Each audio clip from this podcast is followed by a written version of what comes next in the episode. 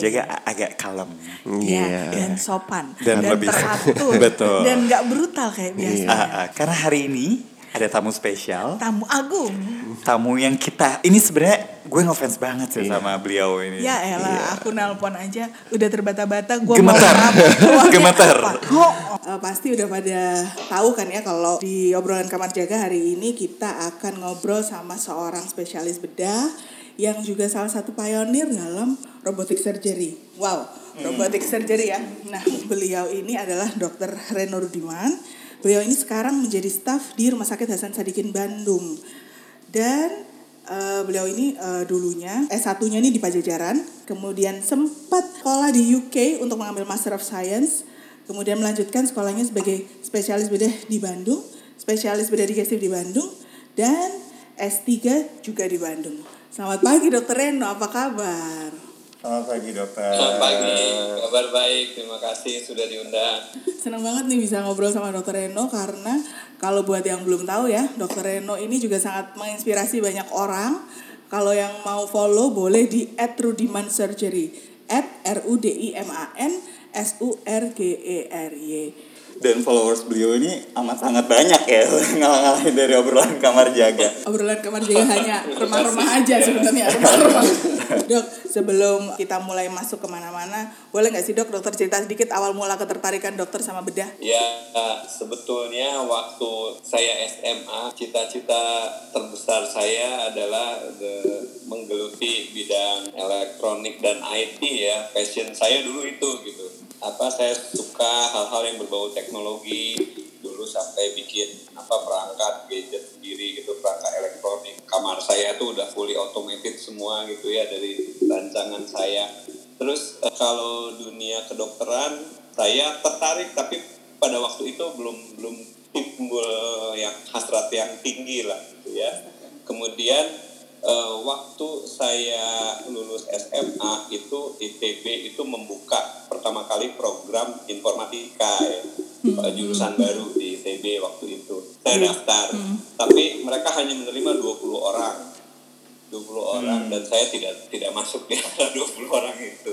Pilihan kedua karena pada waktu itu sistem penerimaan mahasiswa baru itu eh, boleh milih dua tempat gitu. Saya milih kedua adalah kedokteran Unpad. Gitu. Malah diterima Dan di kedokteran, saya ya? diterima di kedokteran Unpad. Wow. Pilihan kedua saya. Awal semester 1 saya kurang begitu eh, men- da- men- menyelami gitu ya. IPK saya pas-pasan di semester 1 gitu ya. Tapi eh, lama kelamaan eh, saya menemukan sesuatu di sana gitu ya. Jadi saya eh, mulai seriusin belajar gitu ya. Alhamdulillah IPK saya makin naik gitu ya. Kemudian Nah, along the way kemudian eh, dunia bedah juga berkembang ya. Teknologi berkembang gitu. Em, teknologi kedokteran di di bagian bedah itu juga sangat advance ya. Dok. dan itu sesuai juga dengan passion saya yang pertama gitu soal teknologi gadget dan lain-lain itu jadinya sinkron gitu ya Eh, akhirnya saya betul-betul di bedah pun mengembangkan eh, setiap ada kemajuan teknologi saya ikuti gitu ya dengan invasive surgery, robotic surgery dan lain-lain. Itu sangat eh, apa ya menjadi eh, passion saya dan kayaknya ya impian jadi kenyataan lah gitu untuk menggeluti bidang yang memang betul-betul saya sukai. Malah dapat semuanya. Dokternya iya, IT-nya semi IT iya, video game semi video game juga iya. Boleh diceritain nggak dok? Dokter ada nggak kejadian paling uh, lucu kayak atau berkesan selama PPDS ada nggak dok? Kan mungkin zaman dulu PPDS bedah uh, juga keras ya dok. Saya rasa orangnya pasti sedikit nih juga.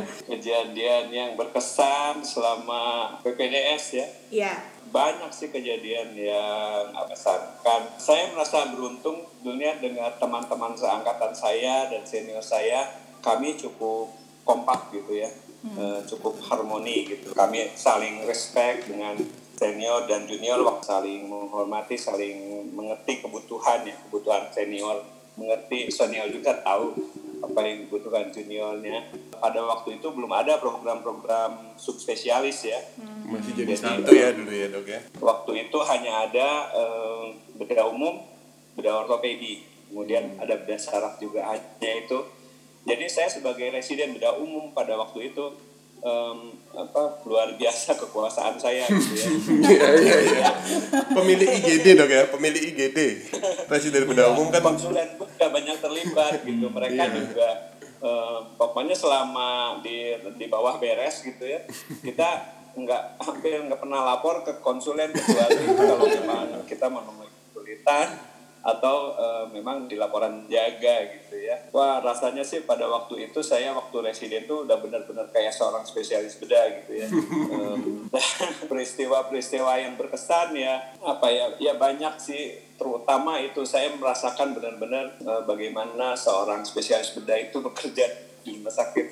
Em, jadi sangat apa ya sangat menyenangkan. Memang bisa nggak tidur semalaman gitu ya kadang-kadang. Dan besoknya tetap harus kerja seperti biasa gitu. Tapi dijalankan dengan enjoy karena memang menyenangi pekerjaannya ya apa akhirnya saya bisa em, survive lah menjadi seorang spesial gitu. Hmm, ya. Kenapa kok nggak ngambil onko gitu atau nggak ngambil beda anak misalnya. Atau nggak ngambil eh, apa ya TKV ya TKV ya. Eh, kenapa TKV kok ngambilnya digestif gitu dok TKW. Wah sebetulnya saya tertarik juga ya eh, bidang bedah toraks ini. Saya cerita mau cerita dulu nih bidang bedah boleh toraks boleh dok boleh. Eh, pada waktu residen itu saya ada peristiwa ada kasus ya, yang sangat mengesankan saya nggak bisa lupa. Di seorang em, kusir kereta kuda ya yang bertabrakan gitu sampai eh, si palang yang menghubungkan gerobak dengan kudanya itu patah dan menembus eh, trauma tembus torak eh, dari depan ke belakang gitu ya.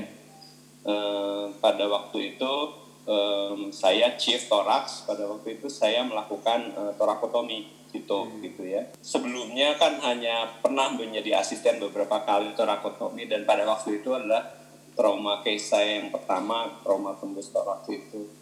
Jadi saya lakukan torakotomi kemudian em, jahit perikardium dan lain-lain gitu ya. Survive pasiennya kemudian eh, wah saya bangga banget gitu ya. Di laporan jaga saya melaporkannya dengan PD sekali gitu.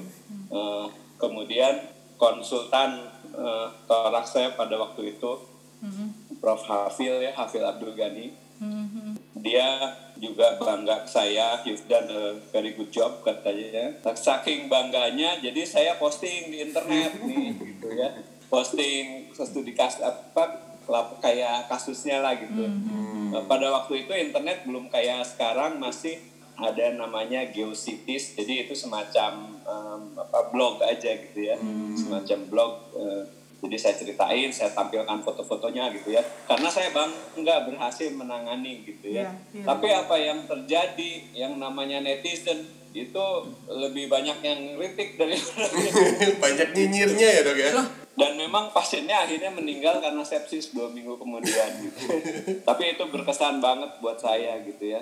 Di mana merasakan sebagai seorang trauma surgeon pada waktu itu yang berhasil mengatasi kasus yang sulit gitu ya. Dan eh, sangat eh, dramatis lah gitu ya. Orang lain melihat kita belum tentu sama dengan cara pandang kita gitu ya. Jadi itu juga membuat saya seharusnya lebih humble lah gitu ya. Iya, nggak usah terlalu Nah, itu TKV ya. Nah, kemudian tadi yang tanya lanjutannya, lo kenapa TKV, kenapa nggak untuk, kenapa jadinya digestif? iya iya Nah, pada waktu itu terus terang, jadi saya itu kan sebetulnya eh, staf fakultas ya, saya dosen, saya fakultas kedokteran Unpad sebetulnya, status kepegawaian saya.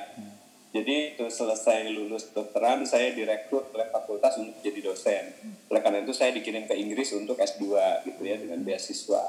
Nah kemudian pulang dari sana langsung memilih jalur sesuai keinginan saya adalah ya, ya ketika akan selesai itu eh, sudah mulai nih sebagian eh, men- apa eh, mau meminang saya gitu. Nah, eh, yang dua terkuat yang meminang saya yang berbu itu adalah di dan beda anak loh. wah ini Prof. Khairul semoga dengerin ini Prof. Khairul ini atau anaknya ini. Waktu itu yang berjuang itu adalah yang yang yang berantem tanda kutip itu Dokter Warko di Gestif almarhum dan Profesor Hairul. uh, mereka uh, manggil saya ke ruangan mereka ya sendiri sendiri Dr. Warko bilang oh digestif itu begini begini begini dengan segala kelebihannya gitu ya. Uh, apa saya kira uh, Reno itu lebih cocok lah di sini. Tapi di hari yang lain saya dipanggil oleh Prof. Hairul dikituin juga gitu.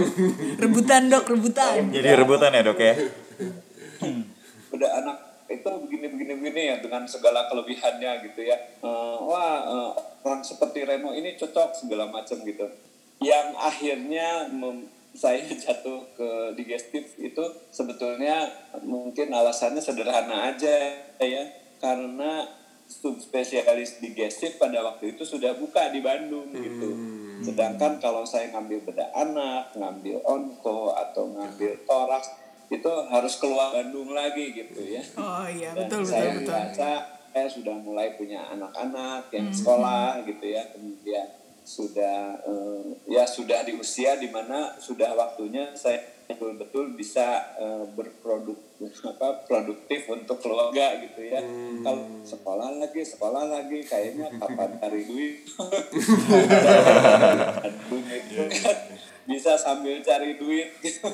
Dokter menyuarakan isi hati mereka ini. alasannya sebetulnya sederhana aja gitu ya alhamdulillah ternyata em, untuk di saat sekarang ini saya merasa ternyata pilihan saya itu eh, tidak salah lah ya artinya saya cukup bahagia di profesi saya yang sekarang ini di digestif gitu Dokter, mau tanya lagi dok. Seperti kita ketahui digestif itu kan ada tiga subspesialis lagi ya dok ya. Upper GI, kolorektal, sama HPB. Ya. Kalau dokter Reno sendiri ini mengkhususkan diri di mana sih dok?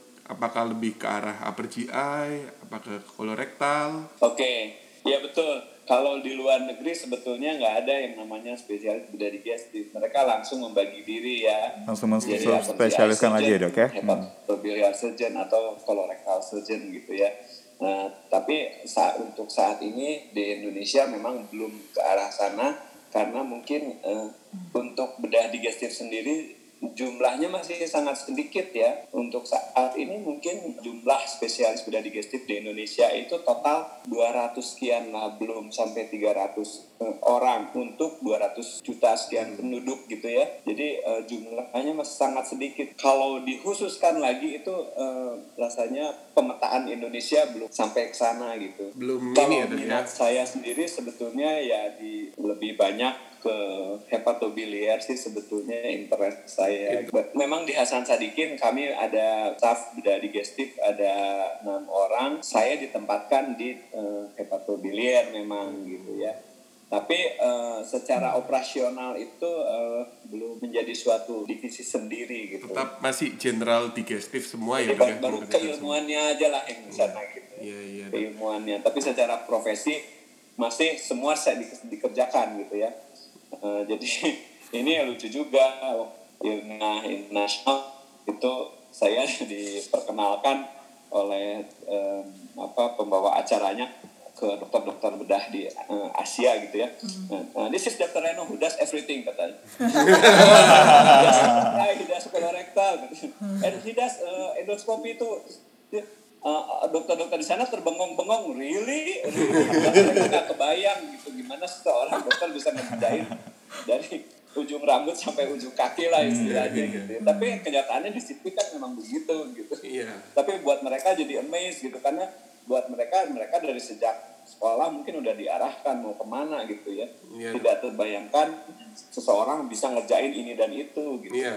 Iya benar. tapi memang Indonesia begitu gitu iya iya benar. Kalau di luar negeri eh, kolorektal ya kolorektal aja kerjainnya HPB HPB Iya. aja. Upper GI upper GI aja Betul, kerjain yang lain. Satu lagi dok ini kalau dokter kan salah satu eh, bedah digestif yang ngerjain robotik dok di Indonesia. Mungkin Iya, nggak banyak yang iya. ngerjain robotik ya. Eh, tindakan apa aja sih dok yang bisa dilakukan oleh robotik surgery di Indonesia ini? atau di dunia pun apa aja yang bisa di bidang digestif Ya. ini? Nah, pada prinsipnya sebetulnya eh, robotik surgery itu robot itu hanya suatu tool, satu suatu alat ya, di mana dia menambah akurasi eh, presisi dari pekerjaan dokternya.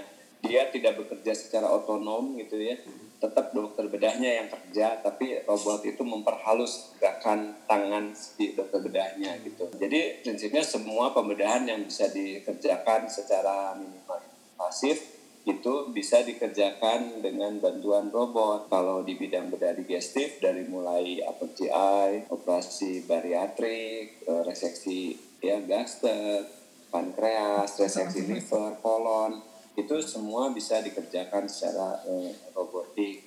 Kemudian di bidang eh, bedah syaraf gitu juga ya mereka melakukan robotik melalui akses lewat hidung itu kemudian di bidang toraks, kardiovaskuler, operasi jantung itu juga eh, robotik berperan gitu ya.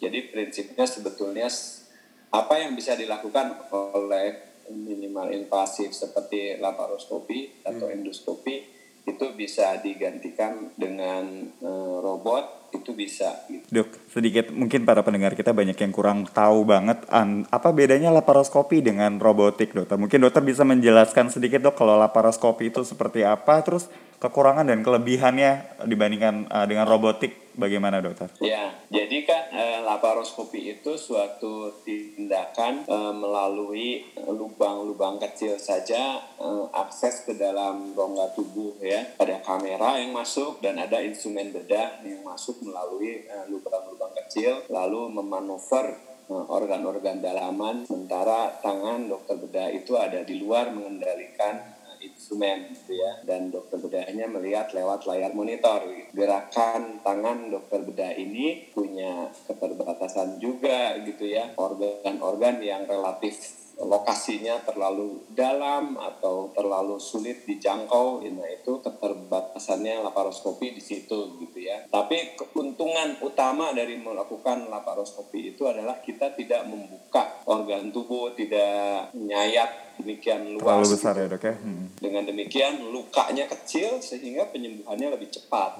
gitu. Biasanya kan pasien post op itu dia lama sembuhnya karena luka yang besar, dia jadi takut bergerak, batuk, bersin, sakit. Nah, dengan luka diperkecil dia sembuh lebih cepat. Biasanya satu hari, dua hari post op dia sudah bisa melakukan aktivitas, bisa pulang. Nah, bedanya dengan robot apa? Nah, si instrumen yang masuk ke dalam tubuh pasien itu digerakkan oleh robot. Setiap kali dia bergerak, berputar, ditarik atau didorong gitu, menggunting, memegang jaringan, ada motor yang menggerakkannya. Keuntungannya adalah secara otomatis jadi ini akan menyebabkan akurasi gerakan sangat terkendali tapi eh, tetap dikendalikan oleh orang. Dia tidak bergerak secara otonom. Jadi dokter bedahnya menggerakkan tapi kalau dokter bedahnya tremor gitu tremornya diserap oleh robot. Jadi tetap gerakan di instrumen di dalam tubuhnya sangat akurat. Kelebihannya di eh, robot itu adalah akurasi yang sangat tinggi. Jadi perdarahan juga lebih minimal gitu ya.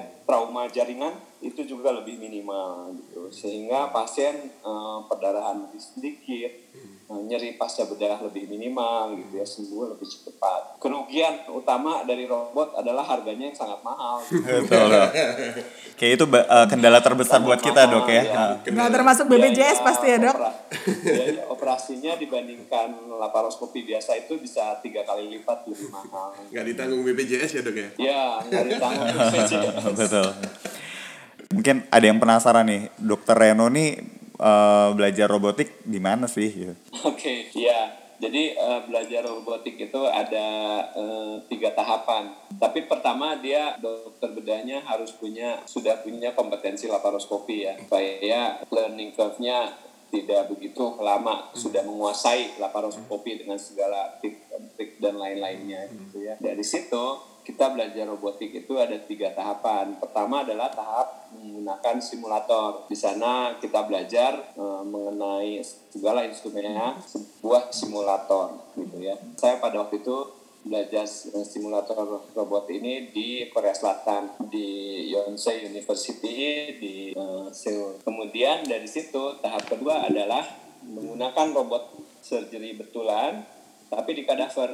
Nah setelah itu dianggap lulus gitu ya tahap berikutnya adalah di eh, hewan coba di babi yang dibius gitu. Nah itu di Hong Kong di Queen Mary Hospital. Nah setelah itu nanti ada ujiannya tuh dari eh, Da Vinci ya robot surgery yang eh, established di seluruh dunia itu sistemnya Da Vinci dan eh, semua training saya itu dengan menggunakan instrumen Da Vinci. Nah itu eh, ada ujiannya. Setelah lulus akhirnya saya dapat eh, lis- lisensi robotik Nah, setelah lisensi robotik itu eh, boleh mengerjakan pada eh, manusia, tapi harus ada proktor, jadi harus didampingi oleh eh, robotic Mentor. surgeon yang memang sudah punya jam ya. terbang gitu.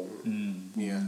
Dok, eh, mau tanya eh, tentang yang orang banyak akan bertanya adalah ketika kita main robotik dibandingkan dengan laparoskopik adalah feel feedback daripada alat. Jadi kalau misalnya kita pegang jaringan nih, satu jaringan yang keras, satu jaringan yang lunak kan kalau pakai eh, laparoskopik masih terasa ya dok ya, kan kita masih bisa feel jaringannya. Nah kalau dengan robotik kan kita nggak ada koneksi antara alat dengan tangan dari surgeonnya kan dok. Nah itu gimana dok? Jadi em, begini, robotnya sendiri sebetulnya eh, cukup cerdas. Kalau dia memegang jaringan yang keras seperti jarum ya, jadi ada needle holder, dia megang cukup keras supaya jarumnya nggak bergeser gitu.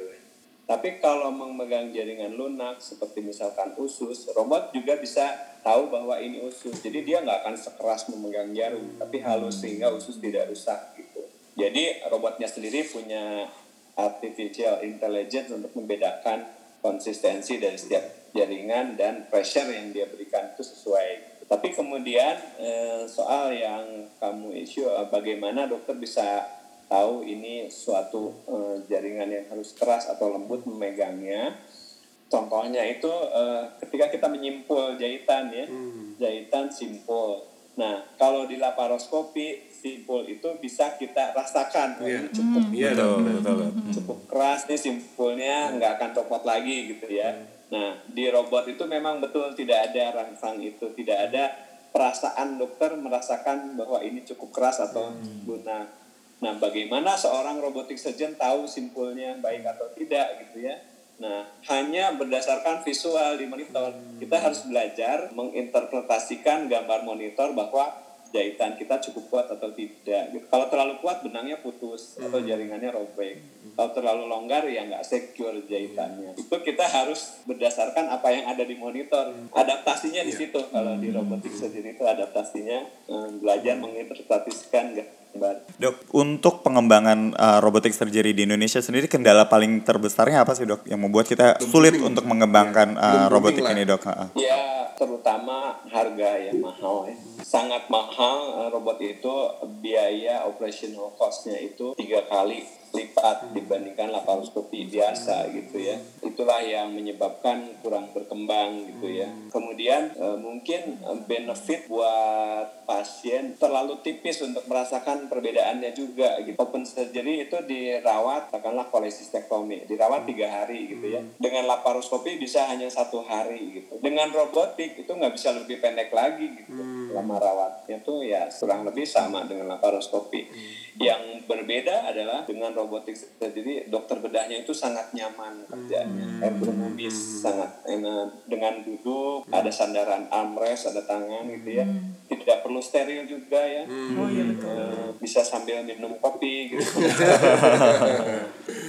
ya, eh, jadi eh, ini sangat memanjakan dokter bedahnya. Nah, sang, lebih safe kerjanya, lebih ergonomis, tidak lelah ya operasi berjam-jam pun nggak lelah. Gitu. Sedangkan kalau laparoskopi kita tahu kalau posisinya tidak ideal, kadang-kadang tangan di atas terus, penggal gitu ya. Iya, Nah, kemudian ya harganya itulah yang menghambat juga gitu ya. Ujung-ujungnya Harganya. harga lagi ya dok ya. Iya, kebanyakan pasien yang menjalani robotik surgery itu tidak bayar sendiri, di cover oleh asuransi. Tapi asuransi yang mau mengcover robotik surgery biasanya yang preminya tinggi. Iya, mungkin pekerja yang sudah mungkin level manajer ke atas lah yang coverage insurance dari perusahaannya cukup tinggi gitu ya. Apalagi BPJS. Dok, di tahap sekarang gitu dokter masih ada impian yang belum tercapai nggak dok? Masih pengen ngapain gitu? Atau masih ada goal apa lagi dok ke depannya dok? Gol apa lagi ya?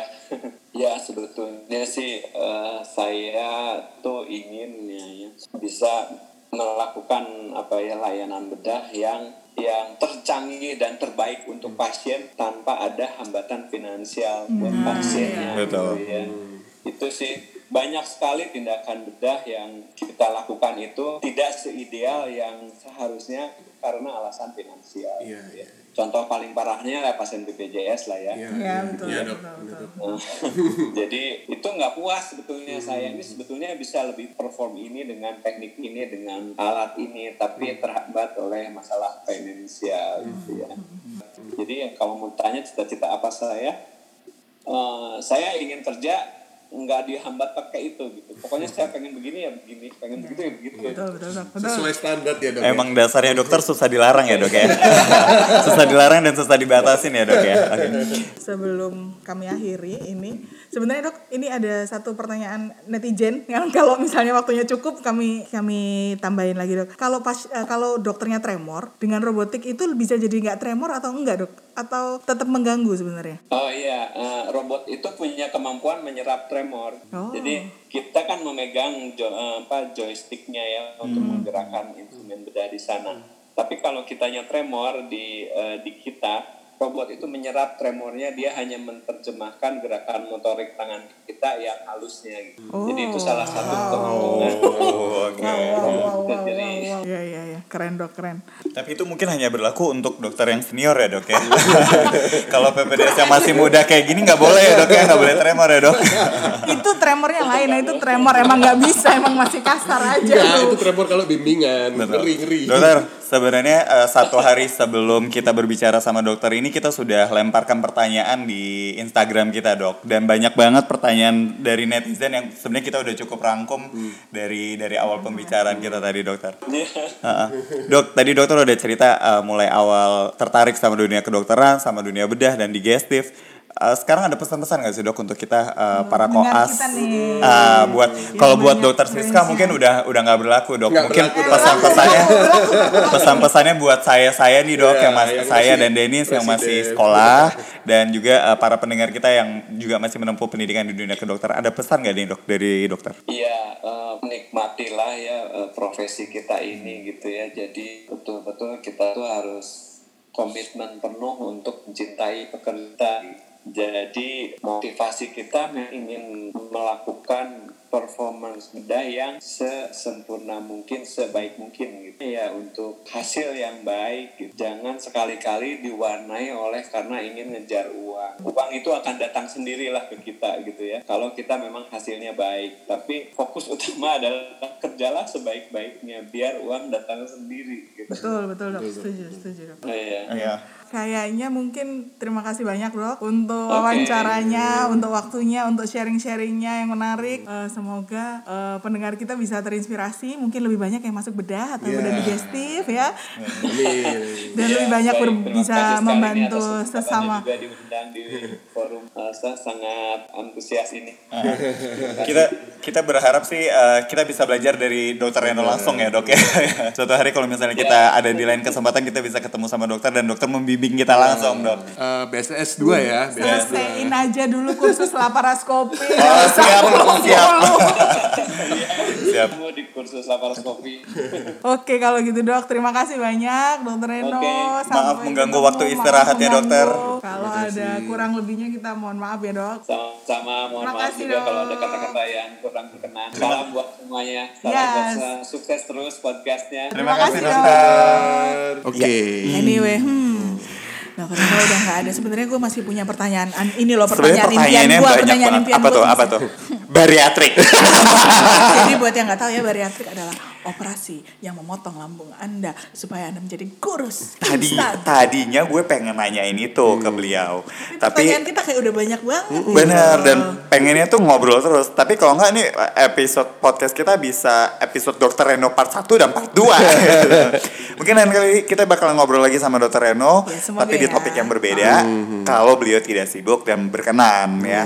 Um, Semoga Obrolan kita hari ini berguna bagi para Gak cuma buat kita kita nih yang PPDS nih. Podcast kita di Soalnya mana tadi aja. dia tadi obrol kita ngobrol nih kalau misalnya uh, para pendengar bisa tahu mata gue sama Dennis tuh yang kayak berbinar-binar yang kayak masa depan gue nih, masa depan gue. ini adalah podcast tersopan kami. Di mana Tidak ada orang saling sahut menyahut.